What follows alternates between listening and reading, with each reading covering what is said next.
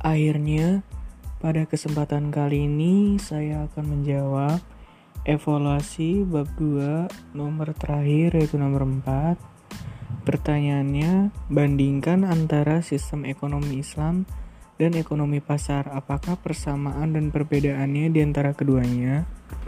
Jadi, persamaan dan perbedaan ekonomi pasar dan ekonomi Islam. Pertama, tidak ada persamaan antara ekonomi pasar dengan ekonomi Islam. Terus yang kedua, pada ekonomi pasar manusia bebas memanfaatkan sumber daya, sedangkan ekonomi Islam pemanfaatan oleh manusia sesuai ketentuan Allah.